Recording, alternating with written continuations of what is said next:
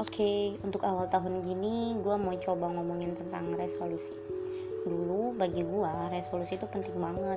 Seenggaknya kita harus tahu step to step buat bisa sukses dan ngatur diri pada satu tujuan.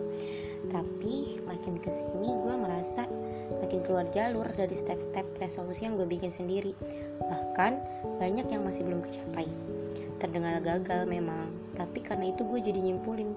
Menurut gue resolusi itu relatif setelah gue berusaha mencari tahu tentang diri gue dari berbagai media self awareness, gue sadar dan gue harus nerima kalau ternyata diri gue itu punya bakat fokus yang rendah.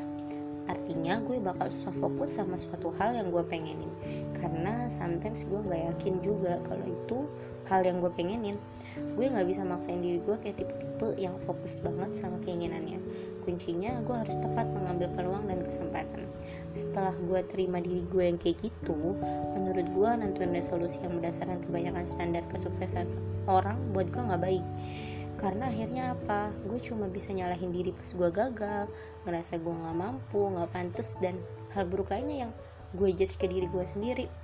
Jadi gue ngerasa yang gue butuhin buat resolusi gue itu bukan pencapaian yang tampak jauh dan gak pasti tapi yang memaksimalkan peluang-peluang yang ada di depan mata dengan terus berpikir untuk berkembang. Jadi kalau lo ngerasa kayak gue nggak usah ngerasa salah jalan.